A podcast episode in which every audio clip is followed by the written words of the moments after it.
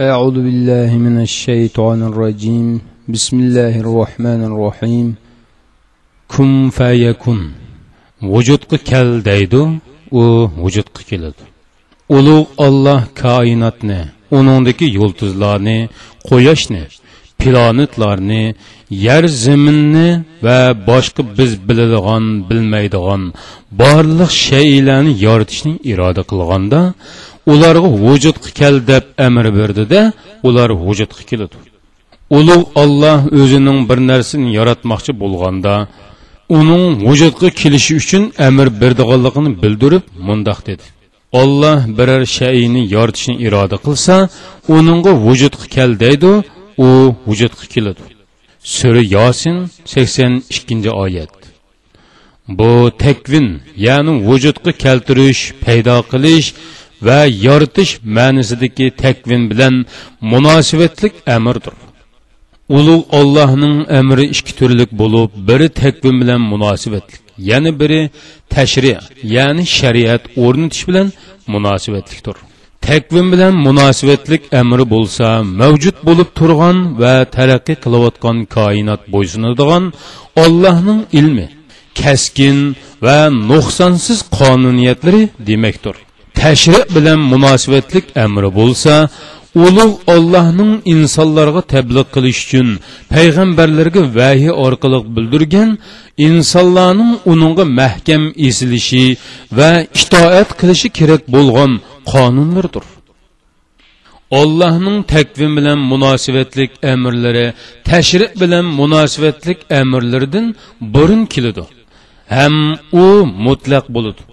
Masalan osmonga mavjud bo'lish yoki bo'lmaslik ixtiyorligi berilmagan zimingimi ham shundoq tashriq bilan munosabatlik amrlarda bo'lsa inson irodasiga ixtiyorlik berilgan shundoqla uningda mas'uliyat va uningdan kelib chiqadigan javobgarlikqa tortilish xususiyati tanlash huquqiy qatorliqlarmi berilgan ulug' ollohning takvim bilan munosabatlik amri haqida mundoq deganligini ko'rmadingizmi?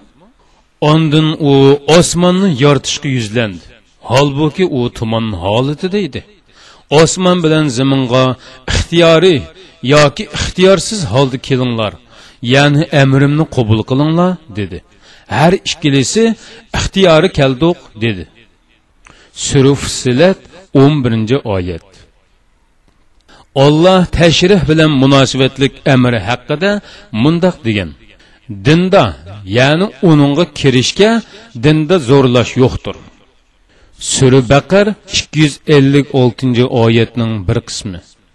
Xohlagan odam iymon essin xohlagan odam kofir bo'lsin. Sura kaf yigirma to'qqizinchi oyatning bir qismi. Ixtiyorlik tashri bilan munosabatlik amriga hokim bo'lsimi bilan munosabatlik amirdan butunlay mahrumdir. Balki bu ulug' rabbimizning tövandagi oyatida ko'zda tutilgan narsa bo'lsa kerak. Shubhisizki biz omonatni ya'ni farzlarni va shariat takliflarini osmonlarga zaminga va tog'larga tanladik. Ular uni ustiga olmadi. Uning ig'irligidan qo'rqdi. Uni inson o'z ustiga oldi. Inson haqiqatan o'ziga zulm qilg'ichidir haqiqatan nodondir. Sura ahzob yetmish ikkinchi oyat. Osmonlarning va zaminning bu mas'uliyatdan qo'rqib uni o'z ustiga olmasligi faqat ularning asli takvin va azaliy taqdir peti yuklanmaydigan narsani rad qilganligini tasvirlab bergan eng o'lgulik misoldir. Bu yerda osmon zaminning mas'uliyatini o'z ustiga elishni rad qilishi uning ixtiyorligiga qo'yilganligi tufaylidan emas balki ularning majburiy bo'lmay ixtiyoriy yoritilganligi tufaylidan kelib chiqqan edi. Oyatdagi misol va tashbih ya'ni o'xshitish faqat uni insonlarga tushunarligidek holga keltirib bayon qilishdan iboratdir. Takvim bilan munosabatlik amr biz uchun g'aybdir. Ulug' olloh osmonlarni zaminni va biz ko'rib turgan barliq shaylarni yaratdi.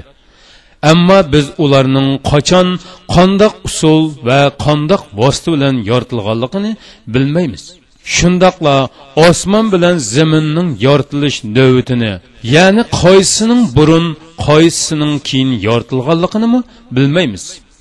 Yoritishning vujudga chiqishi qandoq maydonga kelganligi va yoritilish shakli biz uchun noma'lum bo'lib bularning hammasi allohga xos sirlardir. Lekin biz bu sirlarning tagiga yetish uchun yer yuzidagi minglarcha ilm va tiymilarni o'zimiz xohlagan shaklda tadqiq qilmoqdamiz. Ammo biz bu haqda ollohning bizga bildirganidan boshqa hech narsaga erisholmadik.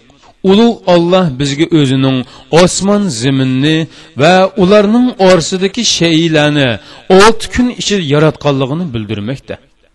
Olloh osmonlarni zaminni va ularning orasidagi narsalarni olti kunda yaratdi.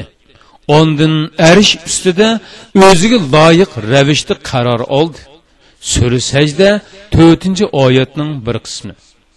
Ya'ni olloh osmonlarni zaminni va ularning orasidagi narsalarning 6 kunda yoritilishini amr qildi.